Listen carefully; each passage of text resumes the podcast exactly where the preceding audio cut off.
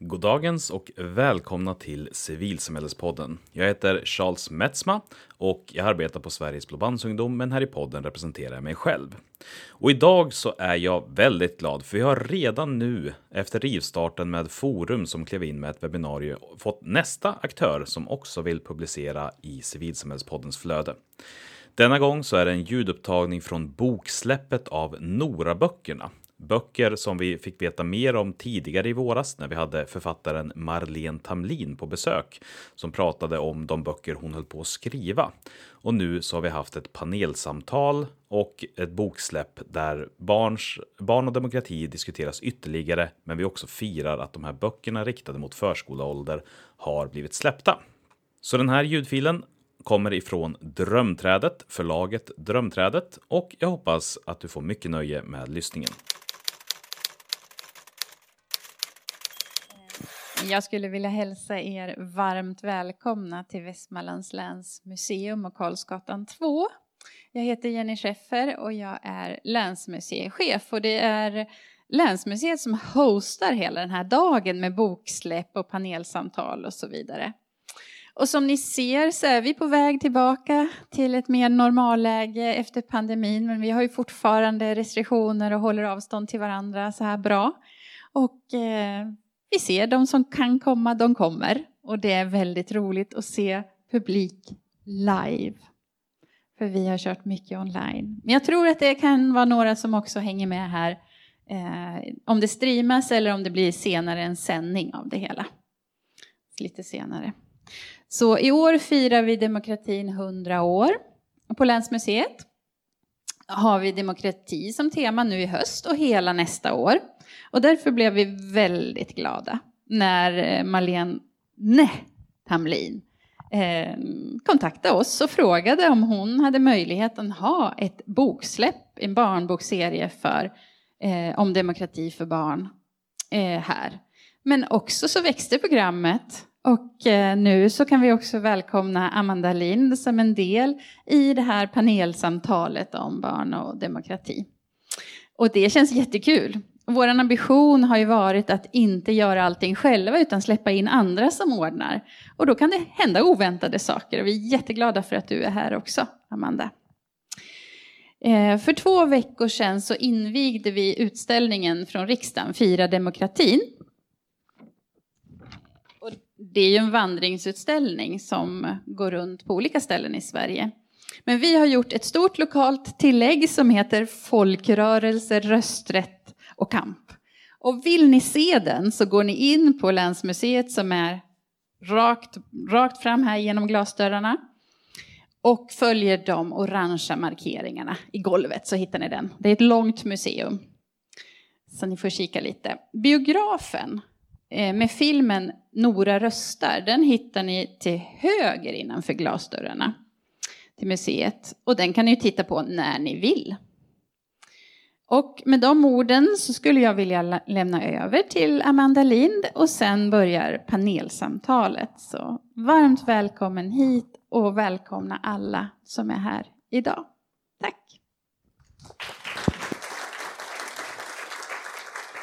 Tack så jättemycket för det och eh, jag vill också inflika att det känns så roligt att vara här och att se så många människor i en sal på det här sättet för ett sånt här samtal. Det är ju fantastiskt med streamingens möjligheter och att fler kan ta del av det, men visst är det någonting lite särskilt ändå att få möta varandras blickar och känna nerven i rummet, även vid den här typen av samtal. Ja, i år är det hundra år sedan demokratin slog igenom i Sverige. Det var i september 1921 som det första riksdagsvalet hölls, där kvinnor också fick rösta. Och det är ett genombrott för demokratin i Sverige. Sen är det naturligtvis så att fler steg har tagits därefter. Fler grupper har inlemmats i rösträtten. Och det är ett av mina också huvudbudskap när jag pratar om demokratins utveckling i Sverige. Att vi inte ska slå oss till ro. Att vi inte ska tro att demokratin är färdig. Eh, att det inte finns saker för oss att fortsätta göra. Vi måste fortsätta både stå upp för, värna och utveckla vår demokrati för framtiden. Och därför blir jag så väldigt glad både över Västmanlands museum, eh, som har det här demokratitemat, riksdagens engagemang med vandringsutställningen och naturligtvis boksläppet som eh, vi kommer att få vara med om senare. För vår demokrati är verkligen någonting att vara stolta över. Vi har rätten att rösta, som jag pratade om redan, rätten att demonstrera, yttrandefriheten, föreningsfriheten, rättssäkerheten, alla de hörnstenar som är en del av Sveriges demokrati. Och då ska vi aldrig glömma att det här inte bara kom ner från himlen utan, och kom ner gratis. Utan att vår demokrati idag är ett resultat av många människors kamp. Eh, på golvet där bredvid eh, Elina, min medarbetare, så har jag en rösträttshatt som jag själv var med och skapade på workshopen här uppe alldeles just. Kanske inte helt perfekt i alla aspekter, men den symboliserar någonting. De kvinnor som kämpade för rösträtten för hundra år sedan, de blev bespottade, de blev hånade, de blev eh, förklarade som mindre kvinnliga och liknande. Och därför så var de väldigt måna om att klä sig propert för att inte nedvärderas. Och det är ett skäl till den här workshopen, där man får tillverka sin egen rösträttshatt. Och jag tänker att den någonstans står för att värdesätta alla de som gick före och slogs för vår demokrati och inte glömma dem. Sen hur vi nu ska jobba för att stärka demokratin framåt, då är också en av mina eh, viktigaste frågor att hur kan vi göra demokratin tillgänglig för fler?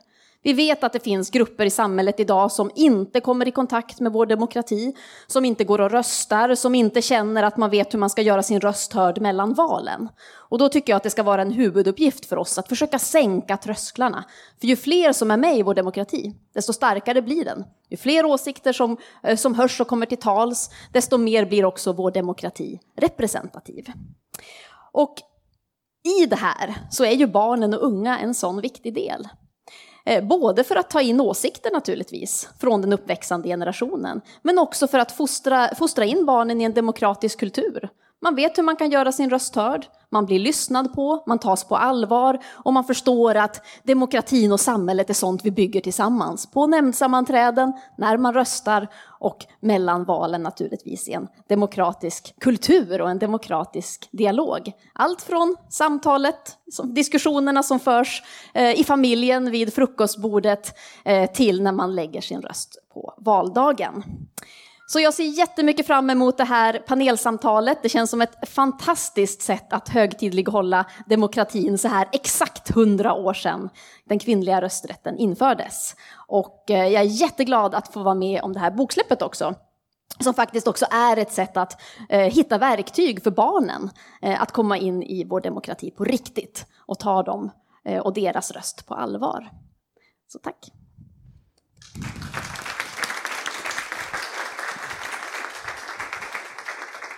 Tack så jättemycket Amanda, tack Jenny och Länsmuseet för att vi får vara här. Ehm, och hej alla som är här, både, både fysiskt och eh, digitalt. Eh, jag är jätteglad att ni vill vara här och fira 100 års av demokrati med mig och med de här böckerna. Ehm, jag heter alltså Marlene Tamlin och jag har, jag har jobbat med demokrati och samhällsfrågor i eh, över ett decennium nu faktiskt. Och jag har också skrivit barnböcker i ett, ett och ett halvt år ungefär. Och de här två delarna har jag nu kombinerat eh, i en, den här helt nya serien. Eh, barnböcker om demokrati. Det här är alltså för förskola, lågstadieålder och det eh, har, finns nästan inga böcker sedan tidigare om alltså konkreta böcker om demokrati. Eh, så att, eh, jag hoppas att de här ska ut och göra massa nytta. Jag kommer prata mer om varför jag har skrivit de här böckerna eh, alldeles strax. Men först så tänkte jag be, be Amanda Lind assistera mig till ett, eh, ett boksläpp, för det här är ju ändå ett boksläpp. Så jag tänkte så här att vi, vi kommer hålla de här tillsammans och så släpper vi dem, vi räknar ner och så släpper vi dem och så hoppas vi på liksom publikens jubel precis vid släppet. Jag hoppas ni känner er liksom uppvärmda och med här. Så, nu, eh, äntligen så är det dags att släppa den nya barnbokserien om Nora och demokratin. Tre, två, ett, noll!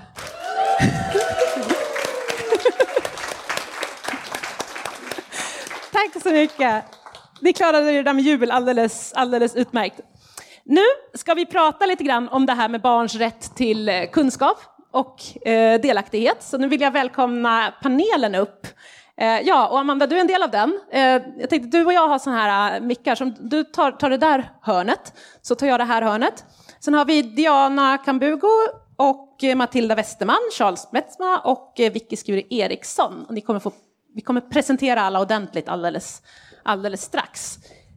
Välkomna in. Eh, vi har eh, handmick där och så skulle vi ha en här. Du har en i handen, perfekt. Så får ni dela liksom två och två här på handmickarna. Eh, Eh, får vi ha en distanspanelsamtal här i ytterligare någon vecka till. Eh, varmt välkomna, tack så mycket för att eh, ni vill vara med.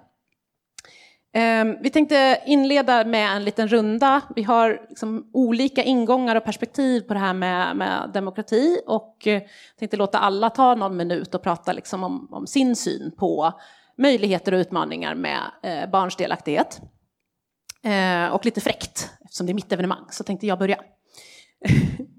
och jag hade ett eh, samtal i vintras medan jag hade just påbörjat, eller just höll på med de här böckerna som jag har burit med mig sedan dess.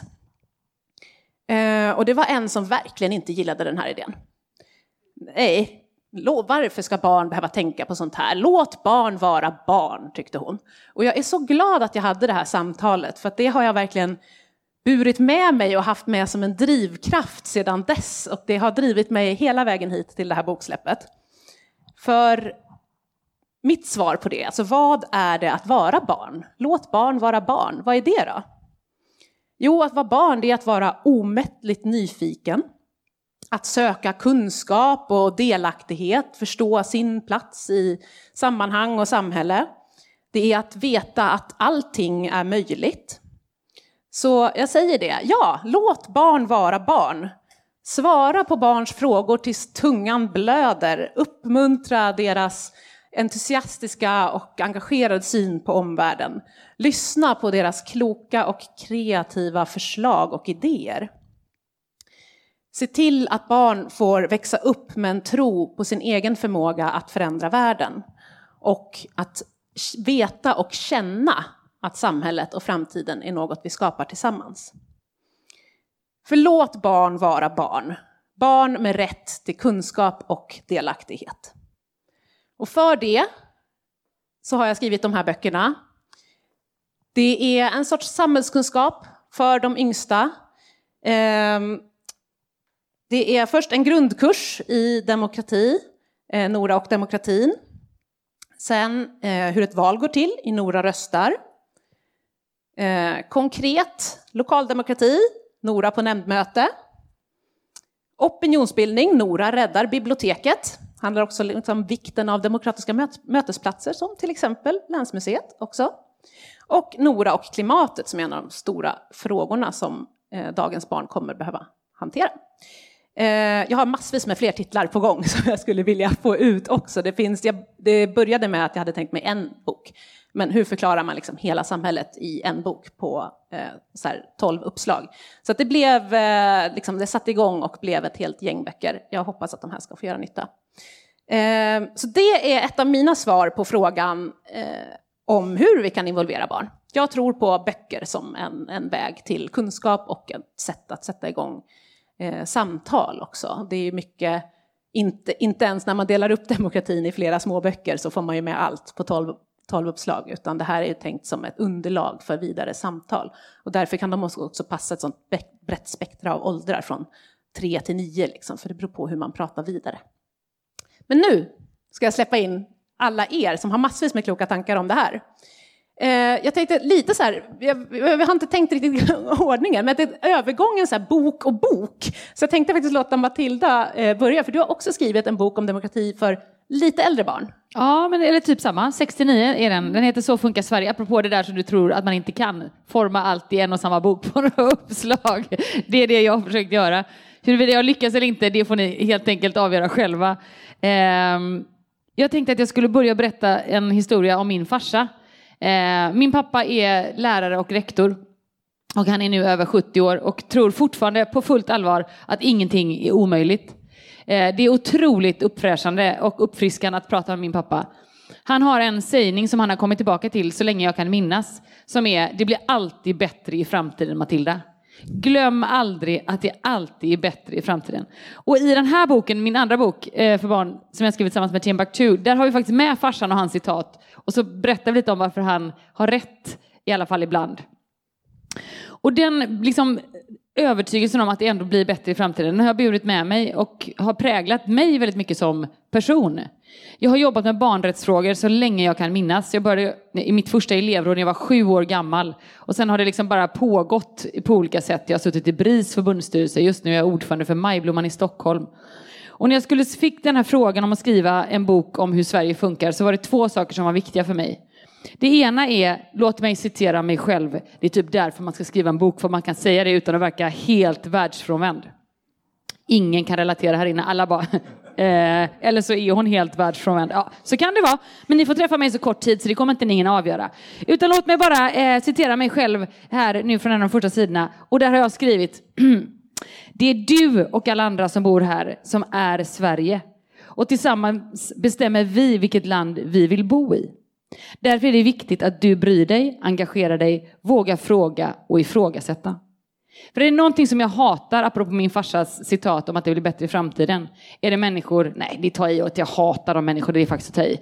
Jag hatar eh, synsättet att det var bättre förr. Och när människor säger så här, ja vi ska tillbaka till så som det var, så undrar jag vad, vad menar de? Det har ju aldrig funnits liksom.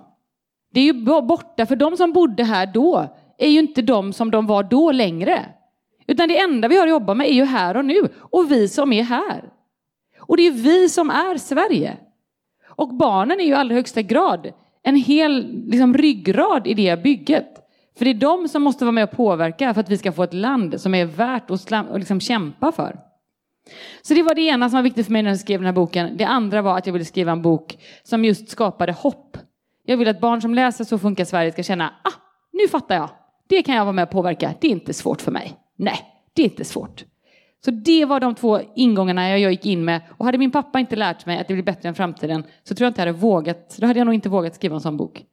Men det har jag gjort och tack gode gud för alla dessa barn som läser och tycker och tänker och måtte alla vi vuxna ta dem på mycket, mycket större allvar än vi gör idag. Verkligen. Kul. Det var ett...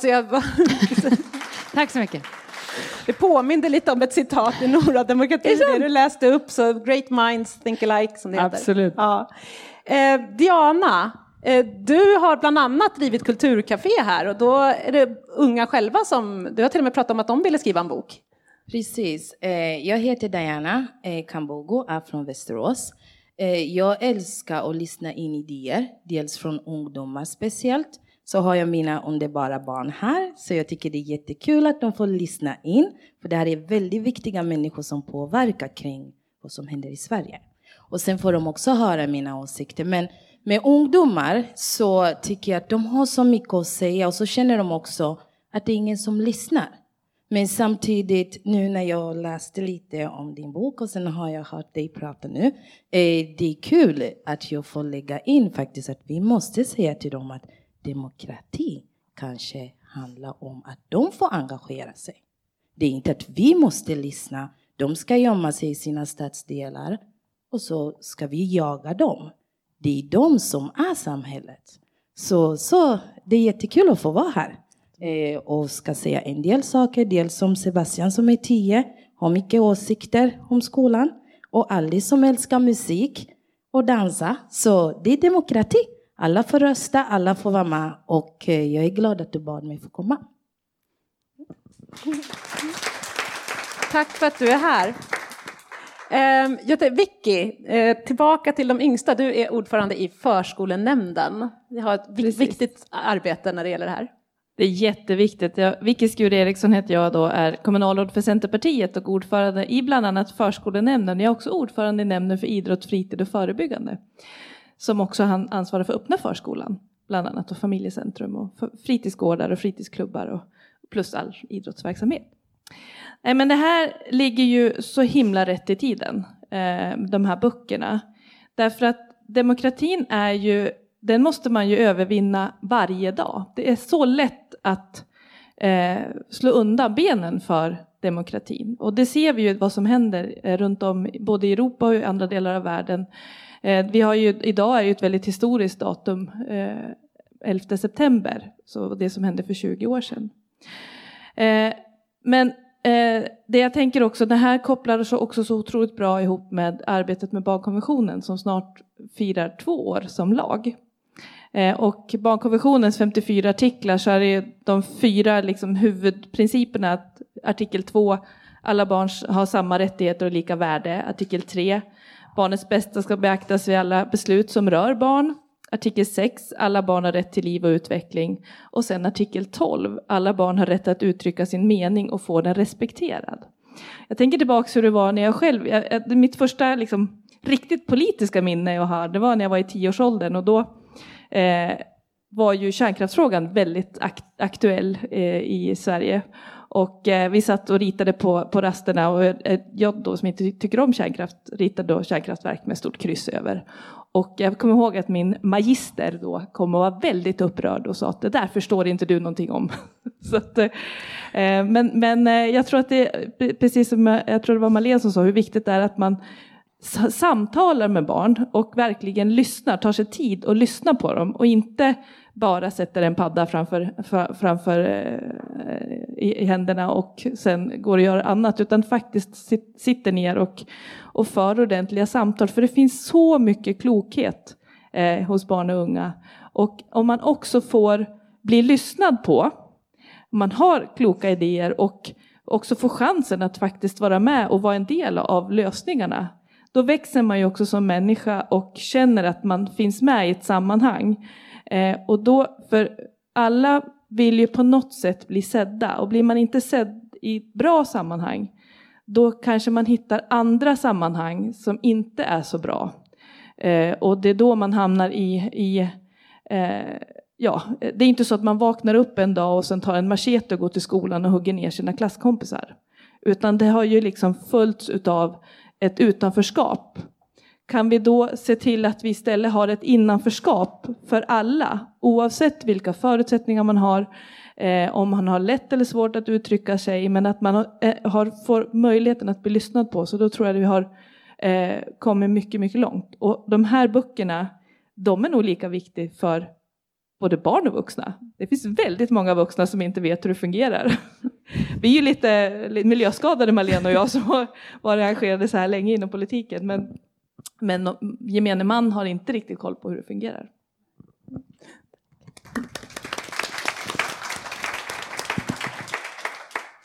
Tack Vicky. Ja, en del av idén startade faktiskt under liksom det amerikanska valet där jag kände att det var många vuxna som inte eh, så. Det var, det var någon Facebook-tråd där någon skrev, kan inte någon bara skriva en typ sån här Max-bok? Max röstar. Det var där någonstans det kom igång eh, eh, tankarna kring det här. Mm. Charles, du är föreningsexpert och driver Civilsamhällespodden. Vi pratade i våras lite grann om det här med barn och demokrati och jag tänker att du säkert har tänkt vidare en massa kloka tankar sedan dess. Ja, tack. eh, jo, men jag heter då som sagt Charles och är allmänt eh, civilsamhällesintresserad. Jag både arbetar i och engagerar mig ideellt och driver projekt och på många sätt förutom min familj så handlar det mycket om just ideella föreningar. Så jag tänkte lite grann liksom föreningsperspektivet på varför och hur vi ska engagera barn. Och det första jag tänkte göra med däremot är lite kulturkritik från min fyraåring. Det är så att han har läst några böckerna och tyckte att de var bra, men att de var lite korta och att vissa sidor hade lite lång text, alltså mycket text på samma sida, så han hade svårt att liksom beta igenom dem. Eh, men han läste dem i alla fall flera gånger och han, eh, det låste liksom upp nya samtal för oss sinsemellan. Och på många sätt så tänker jag att det är det som barnlitteratur är till för. Just att eh, vara en nyckel in till nya världar. För barnböcker innehåller ju alltid väldigt, väldigt lite text. Vilket betyder att budskapet eller tanken bakom det hela måste vara väldigt, väldigt kondenserad. Det måste ner till den minsta beståndsdelen. På många sätt så blir det eh, som grundämnen för nya tankar. Och någon... Eh, det liksom blir ju någonting som då en helt ny förståelse sen kan växa fram utifrån. Och Innan, innan det så, om man inte har fått den här första förståelsen så vet man ju inte heller vad det är man inte vet. Och när du vet så pass lite om någonting så kan du heller inte ställa frågorna som tar dig vidare. För när ingenting är känt så vet jag inte hur jag ska ta mig in och därför måste det finnas någonting som öppnar upp och expanderar den här förståelsen för vad som är möjligt. Och jag tycker att de här böckerna fungerar väldigt bra för att bjuda in de yngre i, på ett sånt här sätt. Eller ja, jag har ju bara testat i ett enda fall, men där funkar det i alla fall. Eh, men sen tror jag också att det är väldigt viktigt att inte fastna allt för hårt i det här med gruppering. Även om det är så att det är absolut dunderviktigt att prata om hur vi får in barn eftersom att barn särskilt är några som lätt faller mellan stolarna när vi rådfrågar människor om vad som är viktigt eh, när vi ska fatta våra beslut. Men att bara tänka för mycket på barn som så kommer också kunna leda till att det, det finns en risk att det blir exotifierande. För i fallet barn så har vi ju alla föreställningar av vad de klarar av och vad de är kapabla till och det finns en risk att det liksom i vårt sinne sen blir en homogen grupp. Sällan är det någon som brukar reagera särskilt starkt när jag frågar vad tycker barn är kul? Men däremot så är det ganska många som vänder sig mot frågan vad tycker vuxna är kul? Och därför är det viktigt att om man ska ge sig i kast med att engagera barn också komma ihåg att det är individer man har att göra med. Och det mest konkreta som jag tänkte att jag ville dela med mig av om hur man egentligen överhuvudtaget kan engagera någon, vem som helst, oavsett ålder eller något annat, så är det att fråga mycket och anta lite. För ju mer vi lyssnar, desto mer förstår vi och då får vi också mycket enklare sen att få in någon i våran värld och bjuda in dem. Om vi vet vem det är vi möter, då kan vi bjuda in och så möts vi tillsammans i den. För utan den här närheten som uppstår människor emellan så tror jag heller inte att det riktigt finns engagemang. För även om vi har saker som vi tycker är viktiga, så på många sätt, i det minsta lilla, så engagerar vi oss mest för varandra.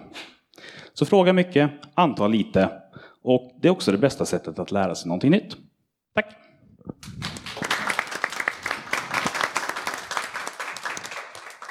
Tack. Eh, ja, Amanda, du är ansvarig minister för demokrati. Nätta lilla uppdraget. Eh, vill du fylla på lite kring vad ser du för möjligheter och utmaningar för barns delaktighet? Nej, men jag står ju bara här och myser. Det här är ju helt fantastiskt. Och, eh, jag sa faktiskt att jag har ju i kanske framförallt det senaste året, men egentligen sedan jag tillträdde, jobbat med det här demokratijubileet. Varit inbjuden till panelsamtal, jag har rest runt, jag har haft mycket digitala konferenser eh, runt om i landet. Det här är det första sammanhanget med renodlat fokus på barn. Och det tycker jag förtjänar en applåd till, till er som är arrangörer för detta. Och jag, jag är ju både kultur och demokratiminister och eh, här går ju de här frågorna ihop lite grann och det har gjort det i panelen. För jag tänker någonstans, i grunden så, så kan jag vara ganska, så här, vi har en stark demokrati i Sverige. Många går och röstar. Men jag sa det i mitt inledningsanförande att det är grupper som ligger eh, för långt ifrån demokratin idag. Så där har vi en utmaning. Um, och jag kan väl också vara lite rädd för en utveckling då politik i så hög grad blir ett skådespel någonting vi konsumerar. Vi, vi, följer nyheterna, vi läser analyser, vi tittar. Det är någonting som är långt borta. Jag vill ju att demokratin ska vara nära människor. Det är någonting som, som du sa, det är någonting vi gör tillsammans. Det är någonting som vi är. Alla människor är demokratin i Sverige idag. Och då krävs det, från mitt sätt att se på det, liksom medborgare som, som känner att man har kunskapen och förmågan att ge sig in i demokratin. Och vad är det då? Ja, men jag tänker att det dels handlar om det som du var inne på här med barnböcker, med litteraturen som, som eh, ögonöppnare. Eh, läsa och skriva. Den där grundläggande förmågan, den är så viktig för vår demokrati. Det är inte bara viktigt för att man ska kunna, kunna komma in på arbetsmarknaden eller läsa nya fantastiska spännande böcker, utan också för att kunna vara en, en aktiv medborgare. Och det är något som jag som kulturminister är väldigt eh, engagerad i. Sen är det föreningslivet ryggraden i vår demokrati tycker jag att det är verkligen. Så här, vi är jätteengagerade i Sverige idag. Jättemånga är med i många föreningar, idrott och eh, övrigt civilsamhälle. Eh, men det börjar bli en tendens av att det är allt färre som gör lite mer istället för att det är fler som gör lite mindre. Och det där skulle jag vilja se en, en förändring i, för jag tror att det är så viktigt. Det här vi-skapet, vi gör det tillsammans. Och sen så skulle jag säga att en sista viktig sak i, i, eh, som jag tänker när det gäller inkludering, det är ju, och när det kommer till barn, eh, precis som flera av er har varit inne på också, hur skapar vi en kultur då vi faktiskt sänker trösklarna och inkluderar och involverar och lyssnar på riktigt? Och då är det ju viktigt, som jag var inne på, både i familjen, böcker kan vara en, ett hjälp för att föra de diskussionerna, i skolorna, i föreningslivet också. För där är det inte bara vuxna som är aktiva, utan det är ju barn i högsta grad också. Jag har gett ett uppdrag i år eh, för det här demokratijubileet till, till Riksidrottsförbundet, eller ett uppdrag. De har åtagit sig, med ekonomiskt stöd från regeringen, att jobba med att inkludera barn och unga i eh, styrelser, i föreningsarbetet i idrottsrörelsen. Och det där tror jag är så, så viktigt, att, att liksom hela samhället måste, måste jobba med det för att inkludera. Um, jag vill också bara kort kommentera, jag var ordförande i kultur och fritidsnämnden i Härnösand för jättelänge sedan. Och där eh, var jag drivande i att vi skulle ta fram, det här det låter ju kanske banalt, men en skatepark. Och ni vet där hur roligt det är när man lyckas få till ett engagemang bland de som faktiskt ska använda sig av den här skateparken. Det var ett medborgarförslag som kom från två ganska unga killar.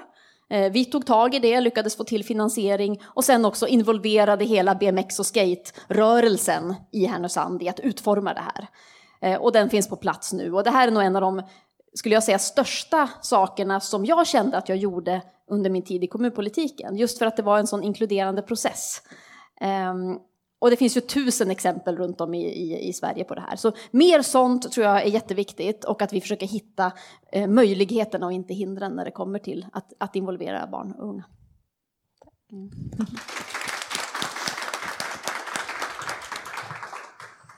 Ja, eh, jag tänkte nu har vi fortfarande några minuter kvar så vi kan liksom tänka till lite tillsammans kring, kring varandras eh, inlägg. Jag eh, vill bara säga det, det var flera som nämnde det här med liksom engagemang in i eh, liksom, ungdom och vuxenvärlden. Och du, jag tänkte släppa in dig Diana, för jag tänkte fråga dig lite kring det.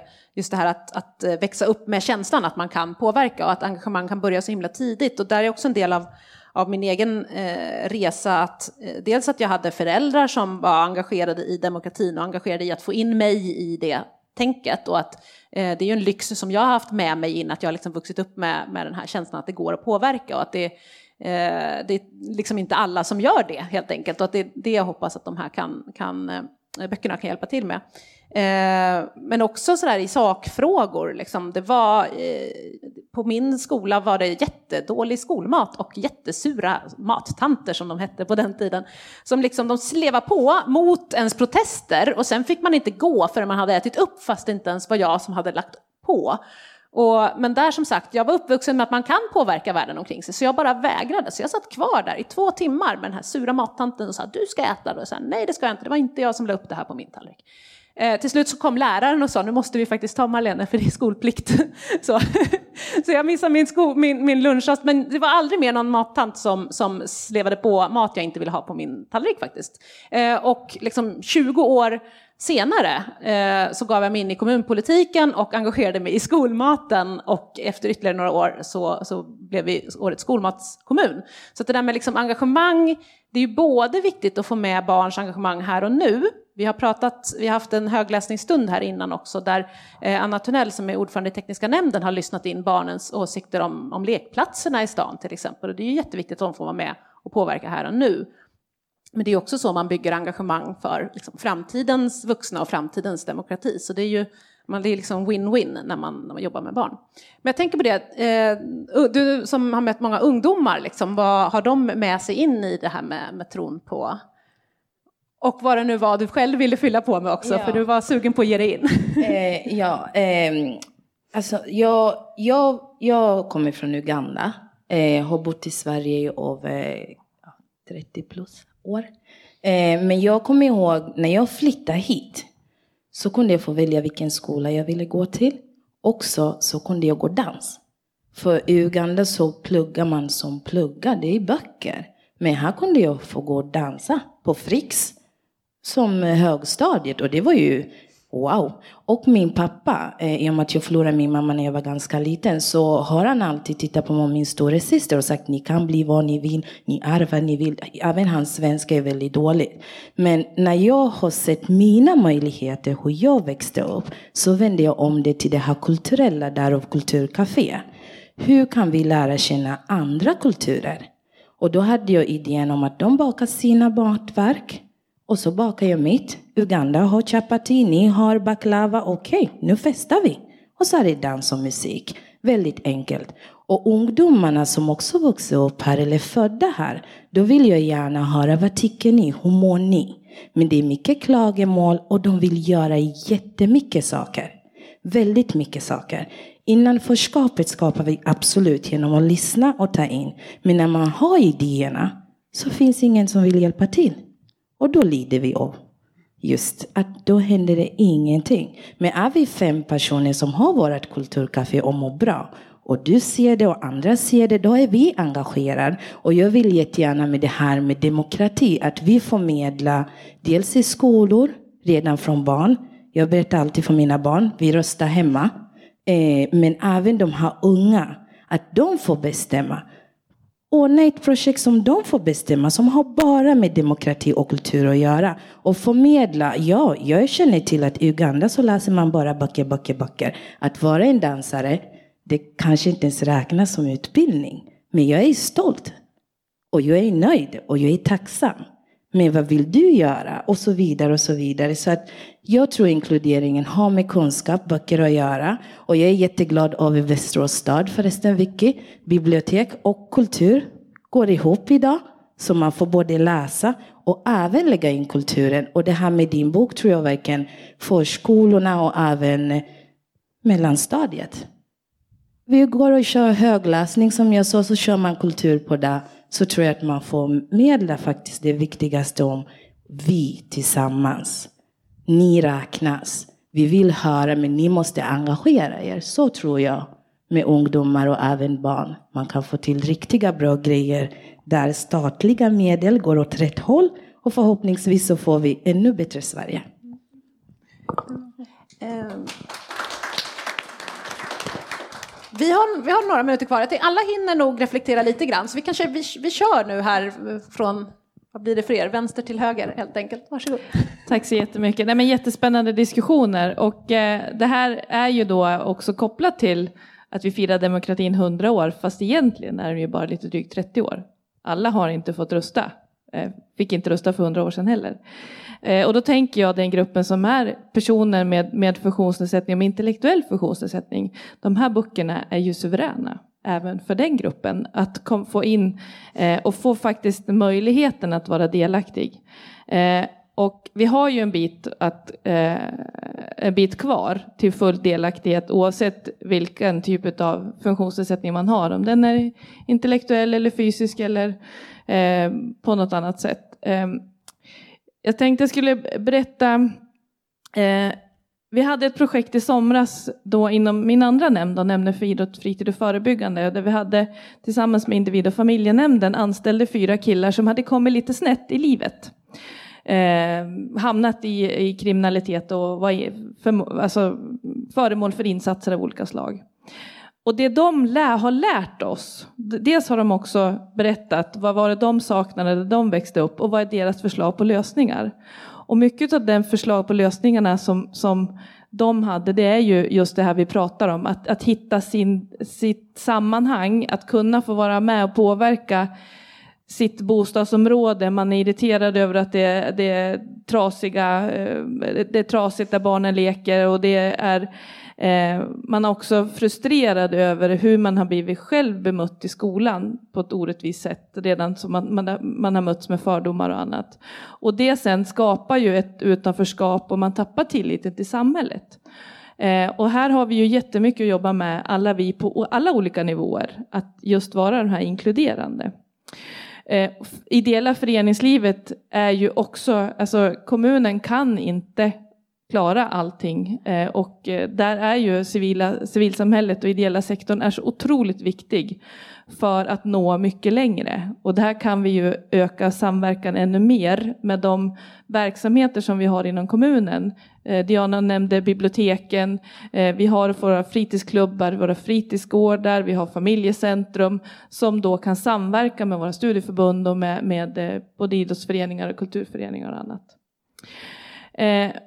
Så att jag tycker att det, det här är väldigt, eh, det är väldigt positivt. Man behöver ha positiva eh, inspel i samhällsutvecklingen. För det är så lätt att man fastnar i sin eh, bubbla på sociala medier.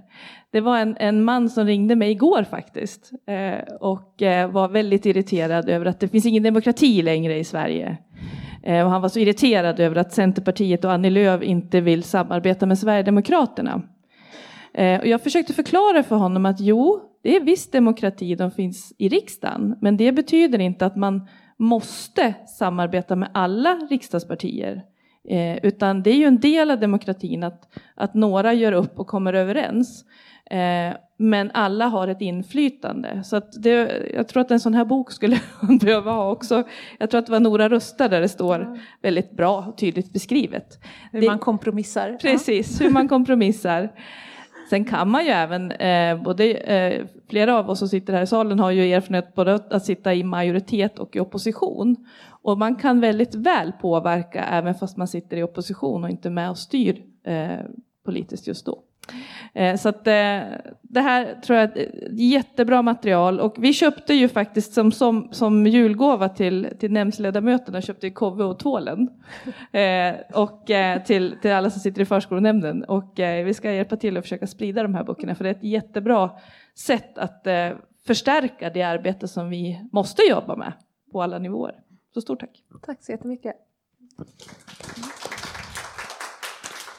Ja, men jag har en avslutande reflektion kring det här med lyssnande. Det är så otroligt lätt för oss i den här vuxna panelen att säga så här, kanonbra om vi lyssnar på barn. Superbra, så viktigt. Men vad gör vi varje dag? Vad gör ni varje dag på era arbetsplatser när ni möter barn på stan, när ni möter era egna barn hemma vid lunch eller middagsbordet? Hur uppträder du mot barn? Ser vi dem som, lite som du var inne på här, som något liksom exotiskt, det vore himla gulligt att höra vad du har att säga. Mm. Eller är det så här, okej jag fattar ingenting av det här med TikTok, kan, snälla kan du berätta för mig? Vad är det för värld vi går? Och så får man sätta sig ner med sitt barn och så bara, åh nej! Och sen fattar man att det är Kina som avlyssnar så får man panik. Men då får man ringa en annan förälder och ta det med den föräldern. Men i alla fall. Eh, och då tänker jag så här, det tror jag är liksom någonting där vi varje dag, var och en av oss, kan göra skillnad.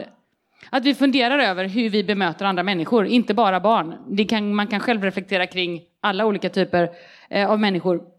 För jag tror att det händer någonting då. Och det händer någonting när vi börjar ta barn på riktigt på allvar. Jag älskar initiativet som du berättar om eh, här på museet. När man ska liksom ta in barn, avlöna dem och lyssna på vad de har att säga. Det är ju att ta barn på allvar. Ni är lika viktiga som vuxna. Därför betalar jag er- dig för din tid när du är här. Du får lön precis som vem som helst. Jag tycker det är otroligt bra och ett fantastiskt synsätt. När jag skulle skriva den här boken så tänkte jag naturligtvis så som en vuxen gör, det vill säga jag har exakt koll på alla de här uppslagen. Inga problem för mig att fylla denna boken, kommer bli kanon. Eh, och så fick jag ändå någon slags känsla av att nej, men jag kanske ändå inte har koll på läget. Så jag åkte ut till min äldsta dotters klass, då gick hon i tvåan. Eh, och så sa jag så här, om ni kom till en öde ö, vad skulle ni vilja veta om den, det, den ön eller det landet? Hon tänkte så jag ska bara checka av här på min lista för jag har ju full koll. Det första de säger så här, jo vi skulle vilja veta vad som är farligt på den här ön. Du vet jag bara, farligt? hade jag inte med. Nu är det ett uppslag som är farliga grejer i Sverige i den här boken. Eh, nästa var så här, vi vill veta jättemycket om det här med blåljus. Vi, alltså jag hamnade på riktigt i en diskussion om vapen, vem som får vapen, poliser i säkert 20 minuter. Fanns inte med på min lista. Nu finns det ett kapitel om att det är bråttom. Jag tänker så här, i det lilla och i det stora, därmed inte sagt att jag är perfekt, för det är jag sannerligen inte. Jag liksom snäser också åt mina barn att de ska hålla tyst, jag orkar inte prata med dem om olika saker. Så, va? Det är inte det. Men det händer någonting när vi på riktigt tar oss tid och sätter oss ner och ställer de där frågorna. Eh, det tror jag stenhårt på. Eh, så betala som har barn ni kan för att höra vad det är de har att säga. Då får vi ett bättre eh, land, jag lovar. Ja, jag kan säga att eh, pirater som stjäl mössor och bajs på restauranger hade jag inte heller kommit eh, på alldeles ensam om jag inte hade hämtat inspiration. Mm. Tack. Eh, Charles ska också få hinna. Ja, nej men eh, jag vill egentligen bara eka det som eh, Diana sa, just det här att, eh, att handlingen också är extremt viktig. Nu hade vi begränsningen tre minuter och då kom inte hela den här engagemangskedjan och alla de olika komplexa grejerna som man måste göra egentligen in. Men det är till och med så i min upplevelse att om det är så att du lyssnar men inte agerar så är det tvärtom extremt skadligt. För att då lämnas du istället med en känsla av att ja, okej, jag kan få tycka saker men det betyder ingenting egentligen. Eh, och Jag har inte så mycket mer att tillföra. Jag tänkte en liten tanke som bara kan lämna för de som är kommunalpolitiskt intresserade. Det är det att vi har ganska många kommuner i Sverige, ungefär 290. Så vitt jag känner till finns det ingen av dem som på strukturnivå har att, eller så här, kommuner delar ut bidrag till föreningar och särskilt oftast till ungdomsföreningar. De allra flesta har krav på andel eller antal medlemmar i en viss ålder. Men ingen, så vitt jag känner till, har krav på vilka som ska vara med i styrelsen eller hur styrelsens sammansättning ser ut, hur makten är fördelad och om det är en ungdomsförening på riktigt eller om det bara finns unga som är med. Tack!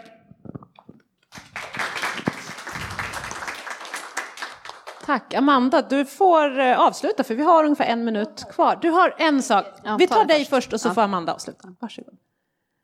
Eh, jag kände eh, det här med snett i livet, även det här med inkludering. Det är, så, det är väldigt många av ungdomar som blir stämplad att man har hamnat snett i livet. Men om, man, om, om vi inte dömer att du har hamnat snett i livet, vad händer då? För oftast, dels i kultur och även demokrati i sig. Eh, jag, jag kan säga att jag har hamnat snett i livet. Jag står ju här och pratar politik. Jag är inte politiks engagerad någonstans. Jag är inte det. Eh, självklart demokrati, yes. Jag röstar, absolut. Men jag, vill, jag, jag skulle vilja att vi inkluderar alla målgrupper. Eh, mina barn är svenskar. Eh, de är mulatter, men de är svenskar. Eh, jag är svensk. Eh, fast jag är afrikan, så det är snett i livet, kriminell, da, da, da, nej. En individ. Individer. Hur mår du? Vad vill du? Vad känner du? Vad är din åsikt? Let's do it. Och så delar du ut de där projektmedel så jobbar vi i föreningar. Det är ju resultat som räknas i slutändan. Vad vi än gör. Och jag tycker det är helt fantastiskt när vi träffades. För jag tror min dotter och min son, det här är vad de behöver. Eh, hela världen behöver höra de här grejerna. Så att man kan visa, vi inspirerar i Sverige med det demokratiska vi försöker uppnå. Det är inte alltid lätt. Det är inte lätt någonstans, men det finns. Så tack så jättemycket för att du gör det här och bjuder in oss och vi delar våra åsikter. Och vi är grymma individer tycker jag. Jag vill lära känna alla. Ja, men, eh, då ska jag bara säga kort tre saker. En sak som inte har nämnts av panelen än och som jag bara också vill skicka ut till alla som sitter här och följer där, ni som är partipolitiskt aktiva.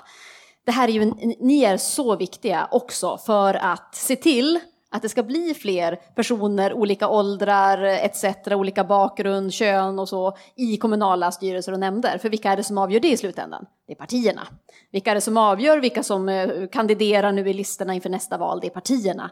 Så att eh, det där glömmer man lite grann. Vi pratar mycket om strukturer och sånt som vi kan påverka som politiker. Jag kan inte påverka som demokratiminister vad sossarna, moderaterna, MP gör. Men jag skickar ut det så här, det här är så viktigt nu inför, inför nomineringarna till nästa val. Eh, och sen så vill jag bara säga att eh, jag tycker det var ett jättespännande samtal. Och kan vi ta med oss den här energin från panelen, från Nora-böckerna och, och vidare i vårt arbete i samhället allihopa, för vi alla har en roll att spela, då känner jag en stor tillförsikt eh, för vår demokrati de kommande hundra åren. Så tack!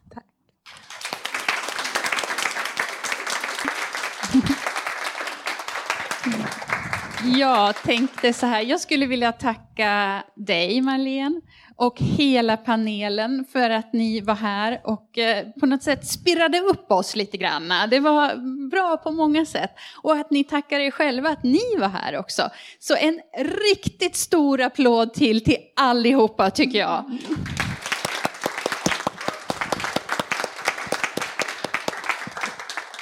Och så skulle jag vilja avsluta med, det var ju ett litet tema här i debatten kring att avlöna ungdomar eh, som kan vara inne i verksamheter och faktiskt få lite makt eh, genom att få lite cash för det man gör. Och det är en gåva som jag vill lämna över och det är vårt magasin Demok- om demokrati som vi har gjort. Och nu kommer jag läsa några rader som Henry från Hallstahammar har skrivit som avlönad skribent. Om rösträtt. Som det ser ut nu har jag inte rösträtt än. Enkelt sagt så känns det inte bra. Jag är straffmyndig, men jag har inte någon möjlighet att påverka lagarna jag kan dömas efter. Det känns orättvist och rent ut sagt odemokratiskt. Jag lever i detta samhälle, jag går i skolan, jag jobbar. Och ändå får jag inte påverka samhället genom att rösta. Ålder måste sluta dras ihop med politisk pålästhet och så kallad mognad. Det finns nämligen ingenting som garanterar att en 18-åring skulle vara mer politiskt påläst än en 16-åring. Vi lär oss om politik och partipolitik redan i skolan och sen också på gymnasiet. Borde vi inte se det som en positiv sak att den kunskapen är färsk?